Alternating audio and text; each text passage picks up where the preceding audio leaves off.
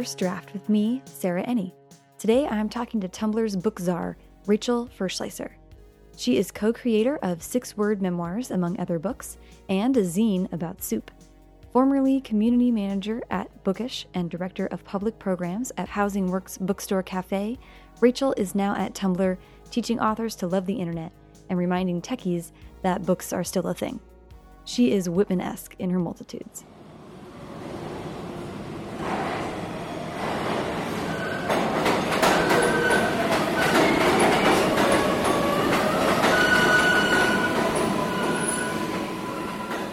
I meet Rachel at Tumblr's headquarters, just blocks away from the iconic Strand bookstore in Manhattan.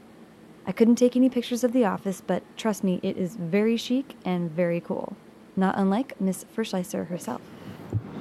All right. Peter Piper picked a peck of pickled peppers. You got it. Um, okay, so I definitely would, I really want to get to your kind of unique role um, at Tumblr with the book industry. But first, kind of want to start with some personal background. So you mentioned you were born in New York, born and raised in New York. yeah, I grew up in Brooklyn Heights. I went to New York City Public School. Never learned to drive a car. Wow. I'm a full-on New Yorker. So where did you go to school? I went to PS 8, which was my local elementary school in Brooklyn. Um, and then I went to um, like a weird middle school for art and writing. And then I went to Edward R. Murrow High School, which is a communications Yeah, high school. wow. Um, and mostly did like theater and lit mag and that kind of stuff. And then I went to Penn in Philadelphia. So you have left New York. I did. Sure, I left New York for college. Um, exciting. and then I moved back to New York and lived in my parents' one bedroom apartment for another year after college. Oh man. Like you do. um, and now I live in Manhattan, which a lot of Brooklyn writers think is crazy. What did you go to school for at Penn? uh, psychology and theater arts. Cool. So a lot of theater background. Yeah, I think that I know people think I'm like such an English major, and I kind of am, but I wasn't. I wanted to be a research psychologist, and I think it was. It actually makes total sense. I think I wanted to be a research psychologist. I had this like totally naive idea that like anything you wanted to know about people, you could design the right study and like figure it out. And, and that impulse is not that different from the impulse of reading and writing, or Right. the impulse of writing and seeing plays. I think it's just I've always been really interested in like figuring out how people think and hearing their stories. Right. Um, well, that was going to be kind of the next question is you've always, I'm guessing, been an avid reader. Yes, but you know, I think that I wasn't one of those people who was like, oh, that must mean I should work in publishing. Because I think that I don't, didn't really know other people didn't like to read. Like, you wouldn't be like, oh, I love to watch TV, so obviously I should work in television production. Like, Right. A lot of people just like to watch TV. So I love to read, but I don't think I saw it as like a particularly specific hobby. Interesting. Okay. So theater was more specific.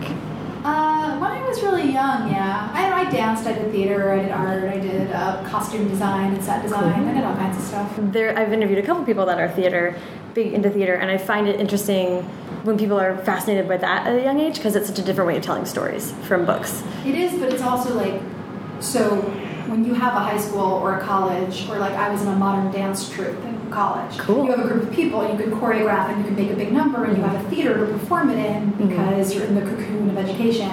And when you come out into the real world, people still do that, but it takes a lot of people and busy people and space costs money and all this stuff. And if you want to tell 12 characters what to do, all you actually need is a notebook or a laptop, right? And so I think that the push from theater to prose sometimes can be expedience, like what you can do just with yourself and no money and no space. No money and no space are the defining characteristics of life in New York.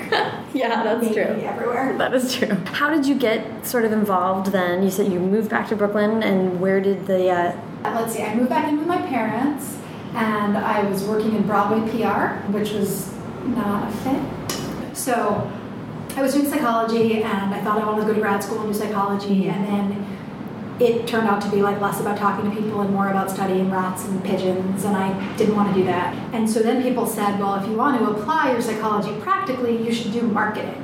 And so I took a marketing class. Mm-hmm. And the marketing class was in the Wharton School at Penn, and it was very businessy and very male. And they brought in like a successful guest speaker who was the marketing director for Cream Savers, like Lifesavers, but the creamy ones. And I thought, wow, I will never care if people buy Cream Savers, ever. And so then I got into the idea of doing marketing for theater because I did care if people went to see shows. yeah? And so when I got fired from Broadway PR and I was working just like substitute teaching and stuff and I was reading a lot, and I started applying for publishing jobs, they sort of said to me, "Oh, you have PR experience. You should do that." And again, I liked this very idealistic thing that you would be like, yeah, you'd be doing marketing and PR to like encourage people to read, right, to, like, right. instill a love of books, right, and um, you know, depending on what publisher and what list you work on, I think that can be more or less true. Mm -hmm. But but the idea of doing marketing PR for stuff that I actually cared about right. was obviously compelling, and so I did uh, book PR at HarperCollins and then Simon Schuster, and then I quit just because I was 25. It wasn't as creative as I wanted it to be. Yeah. Um, I just kind of felt like I didn't want to stick on that path forever. And then I did a bunch of freelance writing and um, like you know Village Voice capsule reviews, and I was a research assistant on Freakonomics. Wow, uh, that's and, awesome. Yeah, and I started volunteering once a week at Housing Works while I was doing all that stuff because it was in my neighborhood and it seemed like a nice thing to do. And. I think a lot of people like fantasize that they might want to work in a bookstore, but the idea that you could try it once a week for a good cause was kind of perfect. Um, and I loved it there. And it, it's kind of, oh, should I say what? Yeah, go for it. Um, Housing Works Bookstore Cafe is a nonprofit bookstore in Manhattan that is part of an AIDS service organization. So the books are donated and most of the labor is volunteer, and then all the money that's raised from selling books um, and also events, and there's a cafe, all goes to help people living with HIV. Um, so it's a great cause, it's a great nonprofit, and it's also a really great bookstore. Mm -hmm. And working there was like the total opposite of writing, right? Like you spend half your time sitting in a bubble with your laptop inside your own head, and you spend half your time talking to customers and volunteers and strangers and crazy people, um, and it's a really amazing balance. Yeah. And so I was there for a bunch of years. Um, eventually, I became you know part-time staff and then full-time staff and, and the director of public programs. Yeah and I was doing 200 events a year. You know, book launches, poetry readings, panels, but also like rock concerts. We had Bjork, we had the Black Keys, we had Dirty Projectors. You know, when you're an AIDS charity, you can get really amazing people to work with you. And I had no marketing budget. Yeah. Uh, and so I started using free internet tools. Uh, we were the first bookstore on Tumblr. That was a huge success for us. And so I really I got into online marketing and social media because I had this amazing bookish stuff that I wanted to spread the word about. Yeah. And it was free. I actually kind of had to harass other bookstores into joining, mm. which is kind of an interesting thing because I think that you know, sometimes people have this idea that your competitive advantage is to like keep what you do well to yourself. Right. But of course, having an amazing network of independent bookstores on Tumblr is way better way to reach an audience. And so when McNally Jackson joined and Word joined and we all were interacting on there together, people Yeah. loved that. We got like news articles, like local bookstores ripping each other on Twitter. It was like literally a news story. I have it. Wow. And so we found that what's great for independent bookstores and probably also authors and NPR stations and a lot of people who do really well on Tumblr is if your competitive advantage is personality, Right. if it's like your sense of humor and you're knowing everything about obscure books and um, like getting to your customers and all that kind of stuff, having tools that allow you to translate that outwards to a broader and broader audience is an incredible opportunity. And so these tiny local businesses were using this sort of fundamentally non-local medium to spread the awareness of all the stuff that they did better than anybody else. Mm -hmm. Is that how you got involved then? I mean, obviously you were on Tumblr, you were seeing the benefit of Tumblr. How did the job, the position here come about? Yeah, so I had worked with some people at Tumblr at Housing Works, and there was um, the first like Tumblr official IRL reading was at Housing Works when I was the events coordinator, and Megan O'Connell worked here. Okay. We looked on it together. So they knew me from that, and then um, I was working at Bookish, sort of trying to translate all this kind of bookish community stuff to a broader online audience. And so Tumblr basically hired me to do kind of author and publishing specific community management and marketing inside the Tumblr community. That's awesome. I mean, that was was that a new position or that was a? Yeah, what happened was uh, there was a guy named Mark Coatney who had worked at Newsweek, and they had one of the first hard news Tumblrs, Right. and they were really wonderful at it. And Mark knows every journalist, and they hired him here to do kind of news and media outreach. And so that's when you see like the New Yorker and NPR and the Atlantic and all these kinds of Yeah. big news organizations join Tumblr. Yeah. And so Mark brought me on to kind of do the same thing with publishing, libraries, bookstores, Poetry Foundation, Pen American, like Mhm. literary nonprofits. Yeah. Um, and so I think it was sort of that combination of like, I've been on the publisher side, I've been at the bookstore side, I've done PR, I've also been the author.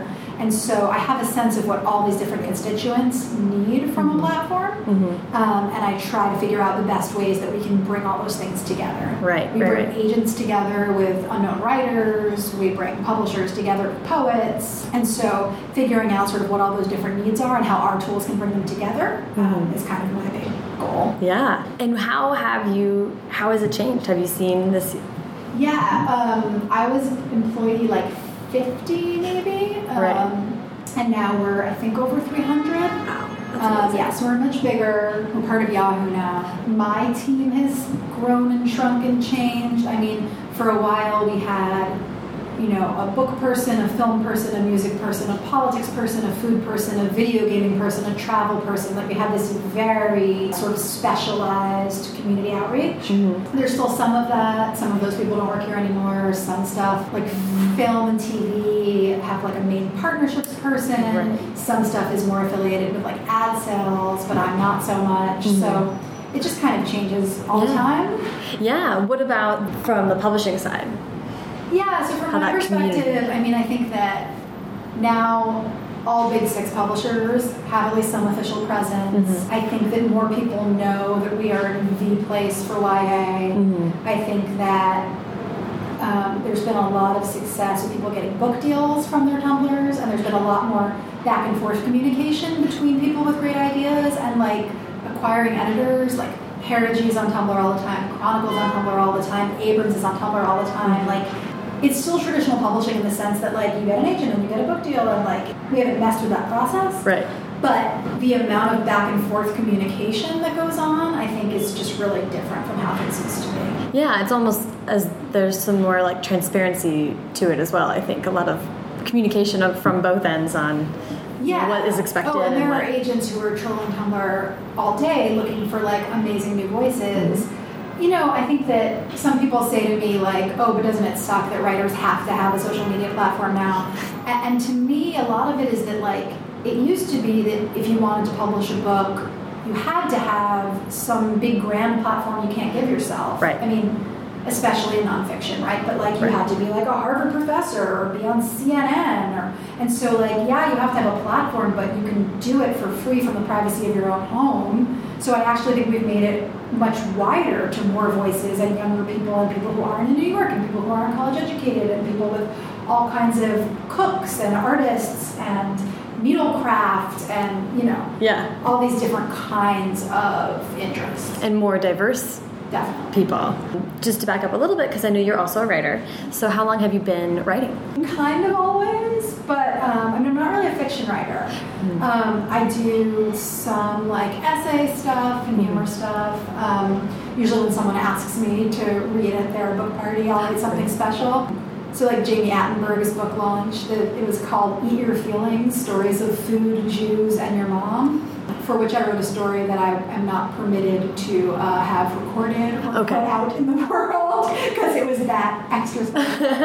um, but so I do stuff like that. And when I was working at Housing Works, I started working for a website called Smith Magazine, which is a storytelling website. Um, and I was mostly the books editor over there. I interviewed a lot of memoir authors and stuff like that. And I started a tiny little project. It was one blog post that was like, "We've all heard of six-word stories. What's your six-word memoir?" Um, and that became incredibly successful. And I worked with the head of that site, Larry Smith, and we put out a book that was an anthology of six word memoirs. So it was a tiny little book, but it was 800 people's stories. Um, and I worked with all those people. Wow. And so that was really incredible, like getting to know people all over the country, young and old, and um, getting kind of like up in their personal business. Yeah. That book was a New York Times bestseller. We did a sequel and a teen book and a Valentine's Day book and a deluxe edition and a calendar and a board game. Um, it became a really big thing. And, you know, when I first Googled six word memoir, there were no results. And now there are, I don't know. Yeah. I mean, but it's definitely taken off. I mean, Yeah. when I when I tell young people particularly, like, oh yeah, I, I invented that. They always look at me like that makes no sense because it's like a haiku or a limerick, like it's just like a format that they learned in English class that Mhm. like has been Well, it's pervasive now, yeah. Yeah, which Yeah. is wonderful. I mean, Yeah. I'm all for it. Um, and so while I was working on those books, you know, I got to go on national book tours. I got to do, I dozens of bookstores and as a bookstore events person, which I still really identify as, um, it was the most incredible opportunity to take this like national research tour, right? Yeah. Here's how they do things at Book People, and here's how they do them at Booksmith, and here's how they do them at Tattered Cover, and so I learned so much from booksellers all over the country, and then I got to run my own events program, so that was pretty incredible. Um, and even now, everything I do, you know, I don't do that much with Six Word Memoirs anymore, but learning how to take something from the internet and make it into a book, Mm-hmm. and then how to take that book and go back online and promote it. Right. And how to use the internet to make one artifact put together by hundreds of people, not limited by space or time. Right. Time a little bit. But um, was like incredible training for everything I do. I Right. mentioned everything I do now is sort of like how can you take your project, make more people invested in it, give more people an opportunity to be part of it, Right. and empower them to run with it. Which is amazing. So, and you're still writing, you're still publishing. Uh, not a lot. I mean, yeah, I mean, I'm really not a fiction writer. People like Right. don't believe me. Like, I've Right. written a novel in my sock drawer, and there's really not. Right. Um, I would say my latest sort of personal creative project was that I worked with Amy Grieco on a zine, which was called Stock Tips, and was all about making soup. And that also like was an anthology in the sense that we asked different writers to contribute to it, but I also wrote my own few pages for it. Mhm. We photocopied it, we stapled it, we folded it, we stuffed it in envelopes, we stuck shiny star stickers on the envelopes. It was a very kind of physical, analog kind of project. Mm-hmm. We sent them to 742 Kickstarter backers, and now they're done. Um, there's some in my living room if you really want one. but, um, but it was just so different, right, from something Yeah. that's online that's available to everyone that you can Google at any time. Right, right, right. And I really liked that about it. Um, it was also the most sort of self-publishing thing I've ever done. It was Right. completely self-contained. And of course, you know, if you look at our bios, Amy and I are both really active in digital publishing. Mhm. Um, but we got messages from dozens of men being like, actually, did you know you can make ebooks now? Uh, Because of course you did. because of course we did. oh no no one Of course. um, but I think that but that was the fun of it for us right is like we spend so much time in this world and being like nope for this project we're completely self-published Yeah. we're hands-on it's only on paper it Mhm. only comes to you in your mailbox and if you miss the window Yeah. that was really fun for us and you know people were like you could get a book deal probably and I was like eh Yeah. you know I think that we really wanted it to be what it was Yeah. Which was, I remember watching that kind of unfold. It was so cool.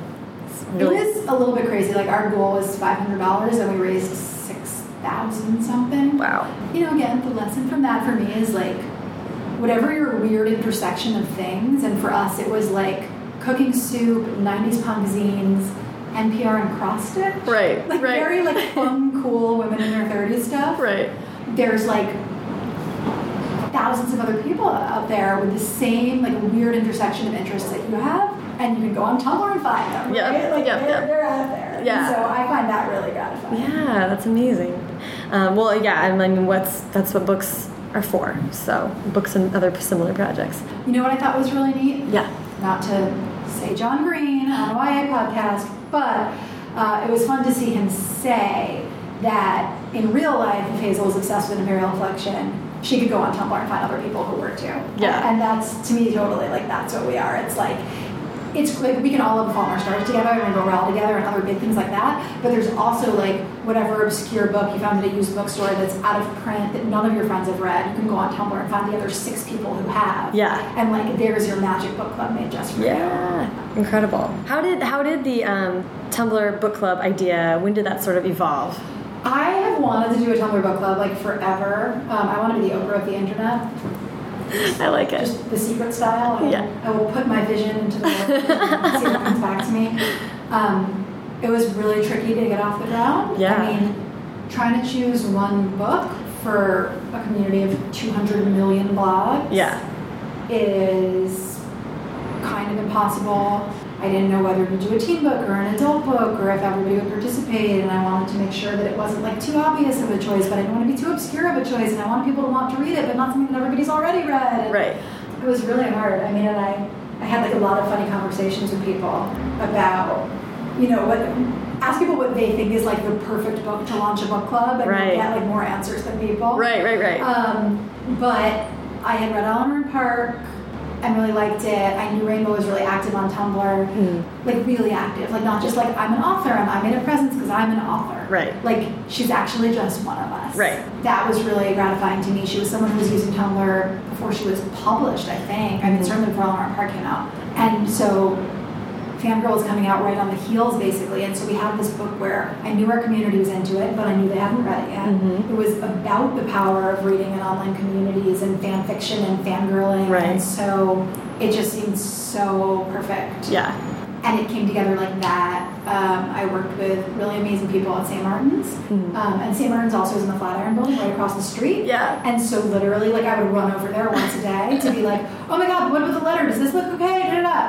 Um, and it felt a little bit, actually, like those last few rehearsals before you get a play off the ground. Oh my gosh. Um, where you're like working with other people and running back and forth and showing them things and like, you know, people in publishing are always like, oh, messenger went over. And I'm like, dude, I'm across the street.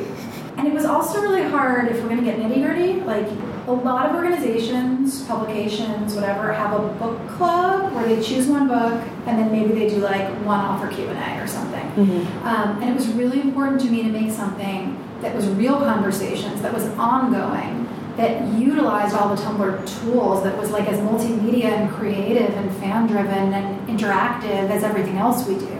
It was a lot of questions like, well, what do we do about spoilers? How quickly or slowly do we set out the pages? Do we say when you have to finish each chapter? Do we, you know? Yeah. So we ended up doing it in thirds Mhm. there was a week of like getting ready, and then it was a, week for each third of the book, and we're doing that again for California. So that seems to be what's working. But you know, I had some people say, "Are you crazy? I read it in a night." And I Yeah. some people say, "I have a job and two kids. I can't keep up." So I think that anything you do, you have to try to strike a balance. Yeah, yeah, But yeah. we did think really hard about kind of the best ways to ensure productive conversations and Right. to make it really work for our community. Um, and I love how it came out. I mean, I think that you know, I call it the reblog book club because so much of how we're able to have conversations is that someone can write a five paragraph essay about something and you can reblog it and say, I disagree with this part because of this, but I like this part because of this. And someone reblogs you and says, I agree with the original poster because blah, blah, blah. And so, like, the context comes with you, Mhm. the crediting all comes with you. Mhm. That's very hard in online conversations. Very hard. And we saw people were trying to figure out the recipe for the pumpkin latte that Levi makes. And they were reblogging each other back and forth, like, no, go one down on the cinnamon and go one up on the coconut syrup. And like, people were like making projects Wow. together. Um, it was really incredible to see, you know, and tons of fan art and, and all that kind of stuff too. But Yeah. I was really interested in the parts where I was like, this is actually a book club. Like, these people are discussing the book in depth and like, this one's 15 and lives in Oklahoma, and this one's like a 60 year old librarian in Seattle, and like they're going back and forth on it Yeah. in a way that they just couldn't anywhere else. Yeah. So that was really important It's amazing. What was most striking to me about the response was the art because it was so beautiful. She has people making beautiful art for all of her books, which is incredible, um, including St. Martin's because her covers are gorgeous. But um, Well, they worked with a fan artist, Right. Noelle, on the, that cover that was amazing. Gingerhaze on And Tumblr. Yes, yes. and there's also um, now there are like special editions full of fan art. yeah. Um, but another thing that was so cool to see too is like, I think a lot of people are like, oh, I'm not an artist. Mm-hmm. Um, but there was like needlework and there was cross stitch, and someone made a pattern for cross stitch so that then you could do it even if you could only sew the X's. Wow. And then someone did a tutorial about how to make like book earrings. Um, and so like that kind of stuff was really neat to see. Like, Wow. and isn't making like a Starbucks latte fan art? Like, oh my gosh, yeah. Delicious, delicious fan art. yeah, and, and somebody like I think this might have been from the Laurie Halse Anderson book. Somebody baked a cake based on a cake in the book. Wow. And so even if you're not like primarily like we can't all be somebody blogger, right? Right. But like Right. there's always stuff you can do, and it's so fun to be part of. And even as a consumer, for me, like um, YadyKates.tumblr.com Mhm. um, makes these like little embroidered pieces of fan art, and she had made an ampersand from Eleanor Park, Cool. and I was like, oh my god, I love that! I have to have it open an Etsy store. And she did, and I bought three punctuation marks from her, which now hang in my living room. Wow. Oh my god. And so just seeing like those connections, like I didn't even necessarily connect with her as a reader. I just connected with her as like a fan of her artwork, and now it hangs Right. in my living room. Right, that's incredible. As a, a per, like YA Highway and authors on Tumblr, it's just been like Tumblr is the most friendly, loving like place to be an author, and now it's amazing. So, um, yeah. Well, okay, so I kind of want to now look forward a little bit. You've achieved a ton as far as making Tumblr a great community. What do you hope to use Tumblr for going forward as far as enacting maybe change or, or seeing something develop in the industry? A lot of what I do is try to facilitate what other people are doing, mm -hmm. right? Like it's not it's not on me necessarily. Like right. I think that a lot of what Tumblr is good for is amplifying, and mm -hmm. generally it's pretty good at amplifying the right things. Right. And so, like, I didn't do the We Need the Diverse Books campaign like other people did, but like now there's a recommendation every day all summer long, and like I can promote those and I can put them on books.tumblr or tweet them or send them to other people who ask me for recommendations. Um, and like when that intersects with like go book yourself or with the librarian community, like a lot of it happens. Mm -hmm. um, and so I want to make sure that we're a place that people turn to when they have something to say. And I right. think that, you know, some of it's PR, right? Some of it is like, the more that people see that when you use Tumblr to do like I too am Harvard or like whatever kind of like message you have to send or Planned Parenthood saved my life or right. any of those things, the more you hear someone be like, I didn't mean to start this giant thing. I just put something up on Tumblr and then everybody joined in and now it's like a force in the world. Like yeah. the more people hear those stories and know that we're a place you can do that, that's really important to me. Yeah. Um, and so a lot of what I do is just try to amplify the right things. Right. Um, and sometimes they're not as um, as good in the world necessarily, but like I love um, this writer Emily Schultz who wrote a book called Joyland, uh -huh. and uh-huh. she like accidentally got money that was meant for Stephen King, sort of. Um, and she built this Tumblr just about how funny it was to have this extra Stephen King money and what she bought with it as a struggling writer in New York. And like, it was great. It was just like funny and charming and relatable and honest. And like Stephen King saw it, and like she got written up everywhere, and I pre-ordered her book, The Blondes. Um, and so I think that those kinds of things too were like building a place where you can get attention just by being kind of like funny and interesting. Right. Well, I was going to say, like you were saying earlier, if you're personable, you know, you as a person are all that you have really to like brand if you have that, you can amplify it so easily on Tumblr, and, and yeah, that's and sometimes huge. accidentally, right? Like I didn't mean to start like a big community for people who like soup. I just started posting pictures of soup, and I thought it was funny to tag with stock tips. Yeah. but then all these other people started doing it too. Right. And so sometimes you sort of gather a community of like-minded individuals without necessarily meaning. Right. You know, but when some when Maureen Johnson did Coverflip, right, and you go on Tumblr to do something like that, well, yeah, we're a great place to display images. We're a great place to display sets of photos side by side. Like there's some things are just like nitty gritty, but it's also that the community is receptive to it. Mm. And and one of the things that I find so gratifying is like, you know, the bigger you get, the less you have like a certain point of view. And like if you look on Goodreads, like the 10 most popular books and the 10 least popular books are the same books most of the time. Right. To some extent, that's always going to be true. And like probably the biggest tag on Tumblr right now is One Direction.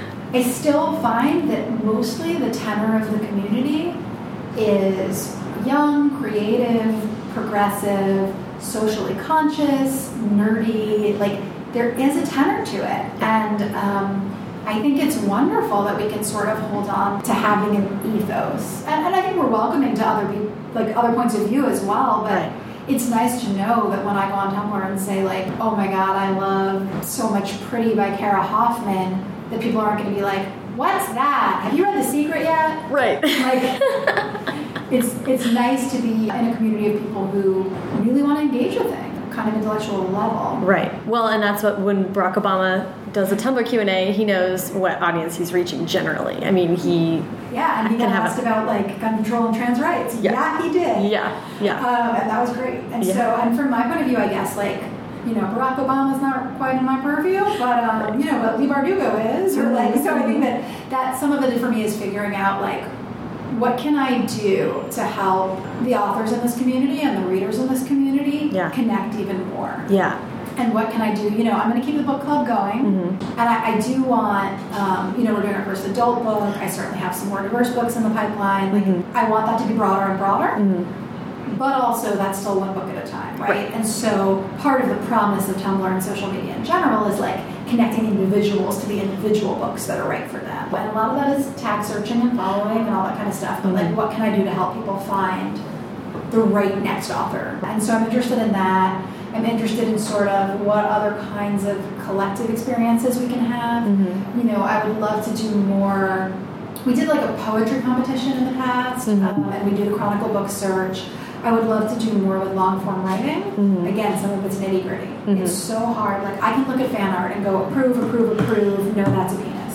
Right. But- right. Looking at or penises are fine, whatever. But you know what I mean. Uh, with long form writing, it's really hard. If I wanted to do a YA novel contest, I would need you know an entire jury of readers. Yeah. I'm not saying it can't happen. It could happen, but like I would love to think of more ways to help people kind of elevate their best writing. Um, and I think it's it's a tricky problem just in that nitty gritty time consuming Right. way. Um, But with so much promise, like that's yeah, that's really exciting. You know, and like Hot Key Books does a YA competition. Katie Coyle won it last year. I think she's maybe the most brilliant person I've ever met. They're doing it again. Yeah. Um, you know, we're not directly involved in it, but it's on Tumblr. I'm reblogging it. Katie Yeah. wrote a beautiful thing about how she saw it on Neil Gaiman's Tumblr in the first place. So again, sometimes it's about figuring out what members of our community are doing yeah. and the more agents and publishers and libraries and whatever are using Tumblr, the broader that community is. Mm-hmm. Right. The other thing I'd love to do is a little more, like last year I was able to bring bookstalker.tumblr.com and last night's reading to the National Book Awards. Wow. Um, I would love to bring more people. I would love to, you know, so Fashion Week has an initiative where they bring all these fashion bloggers Right. from Tumblr to like cover it. right. Um, there's not really a Fashion Week in publishing, but there is National Book Week. Right. Um, and like this year, I'm going to LeakyCon. Cool. Maybe next year, I can bring some Tumblr correspondents, Yeah. making creators in our community the reporters and influencers Yeah. on this stuff. Right? It's not me. That's not my job. What, I- what I want to do is like find these really interesting, talented, creative people, Yeah. and connect them with opportunities that Yeah. might not have found otherwise. and that's what people other people on tumblr want to read you know what i mean like they're they want to see those kinds of voices amplified and Definitely. you know just speaking of what, what you want to maybe see in the industry more because you are very vocal about uh, female writers and feminist issues that's obviously something that you're sort of out there about but what is there anything that you would want to work on that would be just about amplifying that side of the book industry as female writers It's interesting, right? Because compared to a lot of other industries, publishing has a lot of women, it has a lot of powerful women. There's still a lot of men at the top. There are still ways that female writers are spoken about that male writers will never be. Mm-hmm. Mm-hmm. Um, we are still reviewing people instead of their work. Mm-hmm. We are still marginalizing people in these subtle ways where it's like, oh, I just don't like that genre, or it's like, oh, that book's just for fun, there's nothing important in there. And so I, I think that, I guess what I would say personally is I'm a little tired of saying, read more women, read more people of color, do a count, hashtag, mm-hmm. whatever. Mm-hmm. I'm more interested in reading individual books that I mm-hmm. think are amazing and talk about how they're amazing they Right. are. Like, I don't want to say, like, stop being rude about Emily Gould. I want to say, read Friendship. It's a great novel. And I think that's how you do it. I don't think you get people to read more diversely by telling them eat your broccoli. Right. Um, you know, educating yourself is valuable, but it's not as fun as just, like, reading something amazing Yeah. on a 14 hour Amtrak ride. Right, Like, right. Like, that's the, the gratification that is going to cause you to read more. So, kind of as in your role as amplifier, that's sort of already being exercised. I hope so. But I mean, I'm also I'm one person, right? And I like to read the kind of books I like to read, and um, I think that you know the point is sort of that we all like to read lots of different things, and Right. that's totally fine. The eat the broccoli thing is partially first of all, broccoli's delicious. um, it's like you know, the more voices we have, the more choices Yeah. we're gonna have. And I also think it's pretty complicated, right? Because we want more diverse books and we want a more diverse industry. Mm. We also have an industry where an entry level job pays $28,000 and you're going to answer somebody else's phone maybe till you're 30. I don't know that the answer is saying to young people from less privileged backgrounds, come take this shit job. Right, Like, right. It's very tricky. And so I think that we need to create amazing opportunities Mm-hmm. for more diverse voices, not just the same old opportunities we've always had. Right. There's a reason that those go to rich kids. There's a reason. Mm-hmm. And so I don't have an answer. I just think it's very complicated and we need to acknowledge that. Yeah, yeah, that's a first step, right? Figuring out what the problem is and thinking about Yeah, and, and offering young people or new voices or people with diverse ideas really interesting opportunities to get their work out there, to make a living, to make a living while getting their work out there. Right. And, and we're all trying to fix that, I think. Right. But it's it's not just a matter of like opening up an editorial assistantship at Random House. Right. It's not. Right. Um, I was talking. I've been talking to a few people about that. Just in that, you know, we're talking about place a lot and and all that stuff, and the fact that publishing is and has to be in New York for so many of the positions is such a crazy barrier. And Yeah, I lived with my parents when I started working in publishing. yeah, In a one bedroom apartment.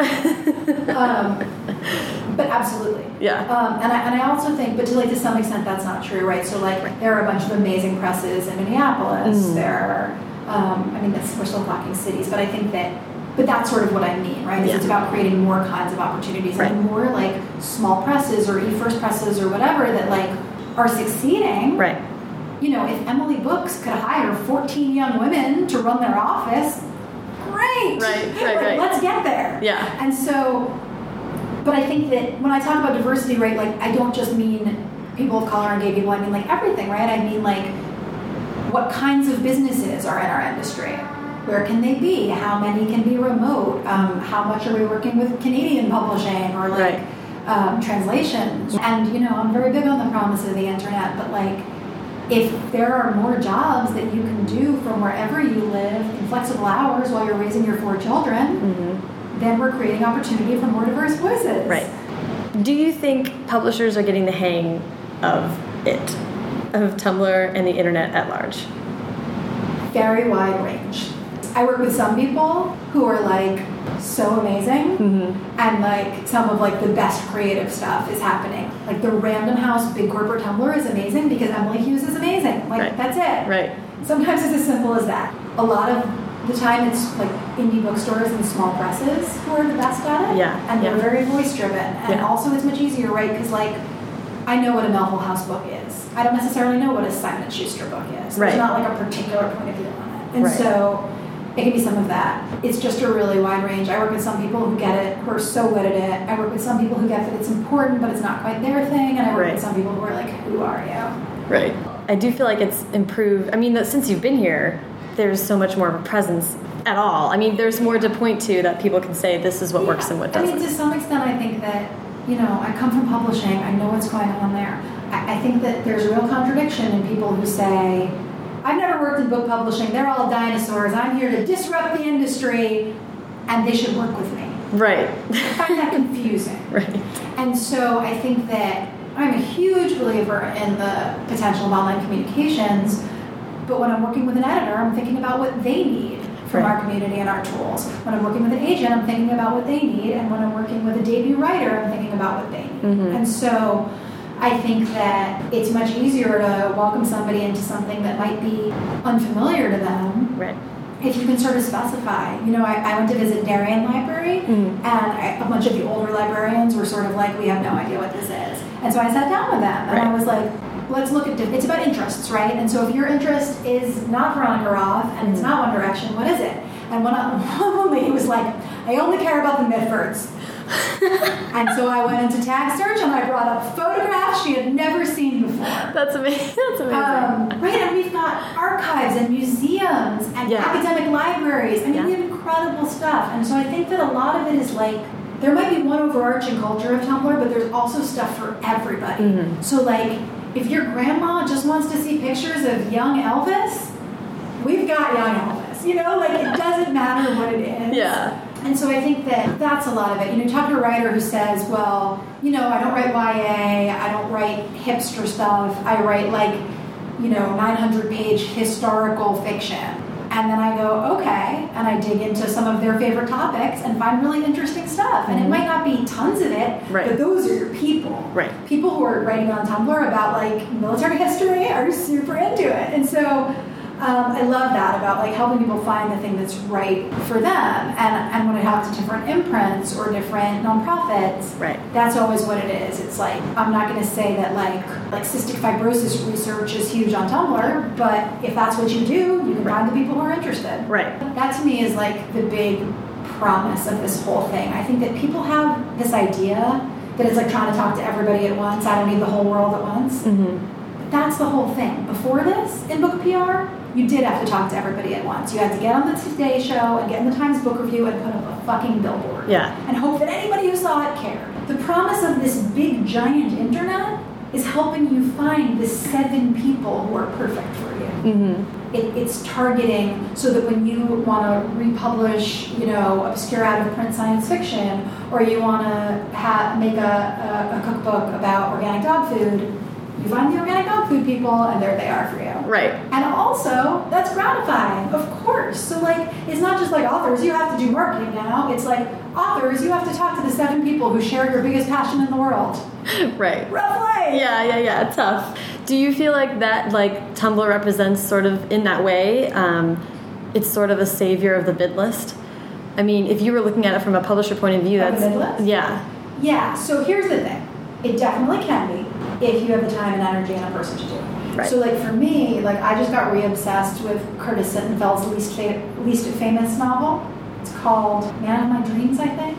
And I was like, oh my god, remember how good that book was, you guys? And like a whole bunch of people came out of the woodwork to talk about it. What? Like I just read this weekend So Much Pretty by Cara Hoffman because Katie Coyle written about it on her Tumblr. And that is happening all the time. Mm-hmm. Whether anybody is still focused on selling those titles right now, right. I don't know. Right. So usually, here's who it falls to. It's like one bookseller at one bookstore that loves this book and keeps recommending it. Like Nick Harkaway's old books are constantly pushed up to the top of the Tumblr conversation because Word Bookstore loves them, and Word Bookstore is super active on Tumblr. Right. Right. There are certain things that keep bubbling up again and again. Right. Yeah. I mean, I would like to see publishers hire people whose job is to sort of stoke ongoing interest in titles. Right. Um, it's just a matter of whether that, you know, I'm not doing the P&L. So Right. I, I can't promise that it would be worth it numerically. Right. I know that, I mean, in general, I wouldn't call us the savior of the mid list, but I would say in general, Tumblr, even more so than other social media platforms,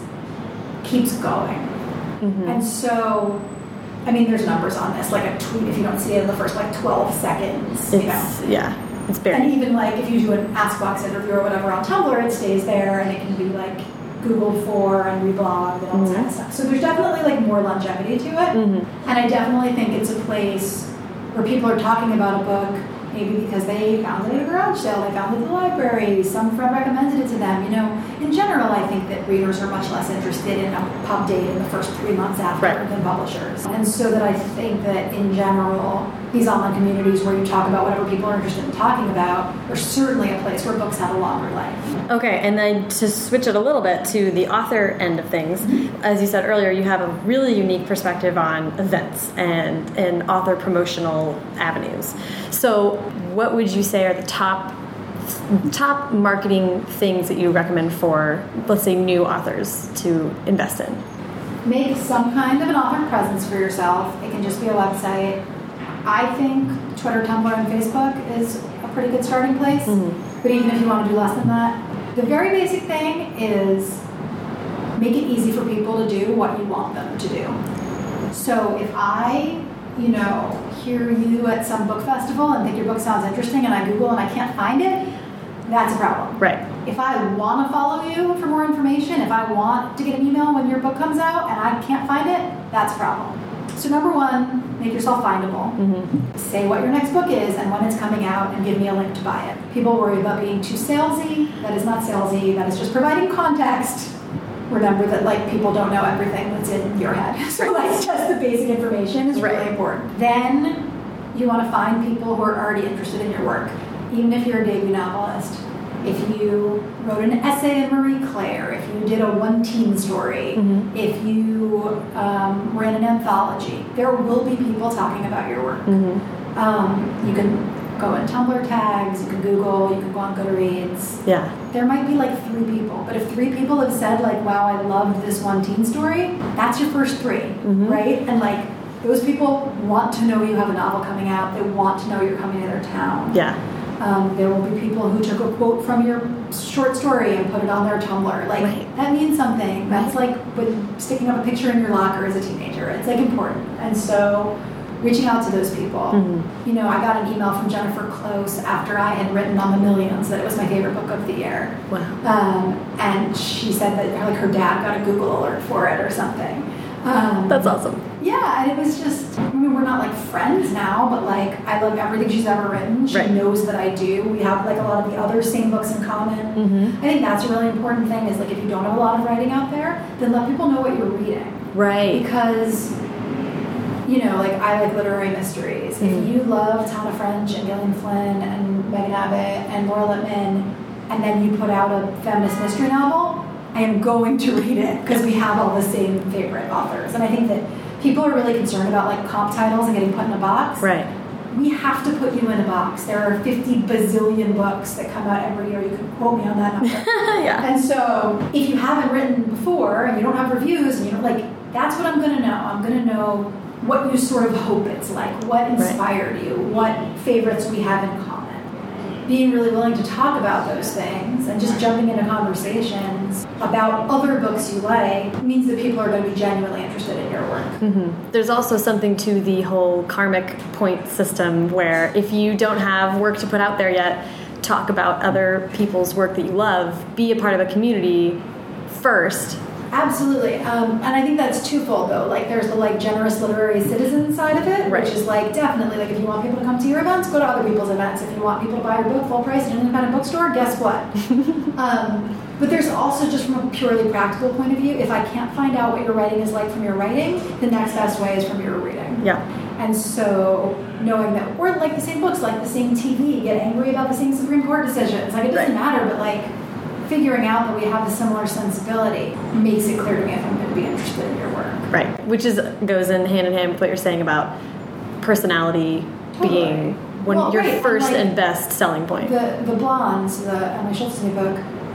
I had never read her fiction, and like I want to read it because I thought her Stephen King blog was really funny. Um, and I read Gabriel Roth's book because I thought his omnipresence was really funny. Like Mhm. again, you don't have to do that, but Mhm. it is available to you. hmm And then uh, specifics to Tumblr. What do you think are, are the most effective ways to use Tumblr as a writer?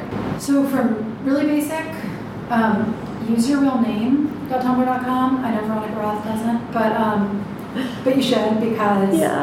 uh, when I you know write about how much I loved uh, Julie Buntin's one story, and I get a heart on it from Julie Buntin, I notice and I go follow her. If I Mhm. get a heart on it from like Awesome Flower Unicorn Day, I don't necessarily. Yeah. and and you're a you're an author you're not a book. You know i always go back to like jennifer egan made goon squad her twitter. Granted she never used it so it didn't matter. That's true. but um, i love her. Definitely like be in it for longevity. Yeah. because look you build up an audience a few people at a time Mhm. and you don't know who's publishing your next book or if you're self-publishing your next book or if you're going to put out a rock album instead of a next book. So like or a zine about soup so like build up people who are interested in what you have to say Yeah. Final, final, final thing is what are you reading right now? What are your recommendations for the moment?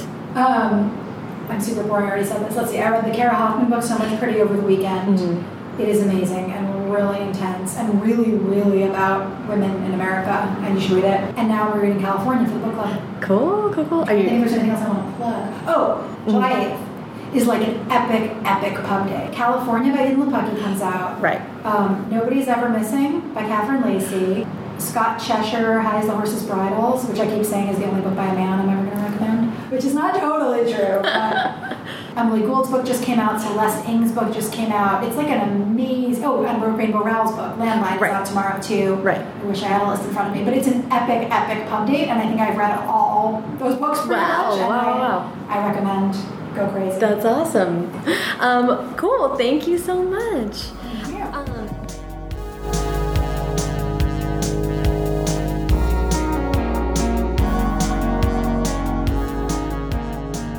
Thank you so much to Rachel. More bonus content from Rachel, including her marketing and book event suggestions for authors, is available at firstdraftpod.com. You can and should follow Rachel on Twitter at Rachel Fersh, Rachel F E R S H, and follow the show at First Draft Pod and me at Sarah Enni. The podcast is available on iTunes and at www.firstdraftpod.com. Our theme song was created by Hash Brown and our logo by Colin Keith. Thank you so much for listening.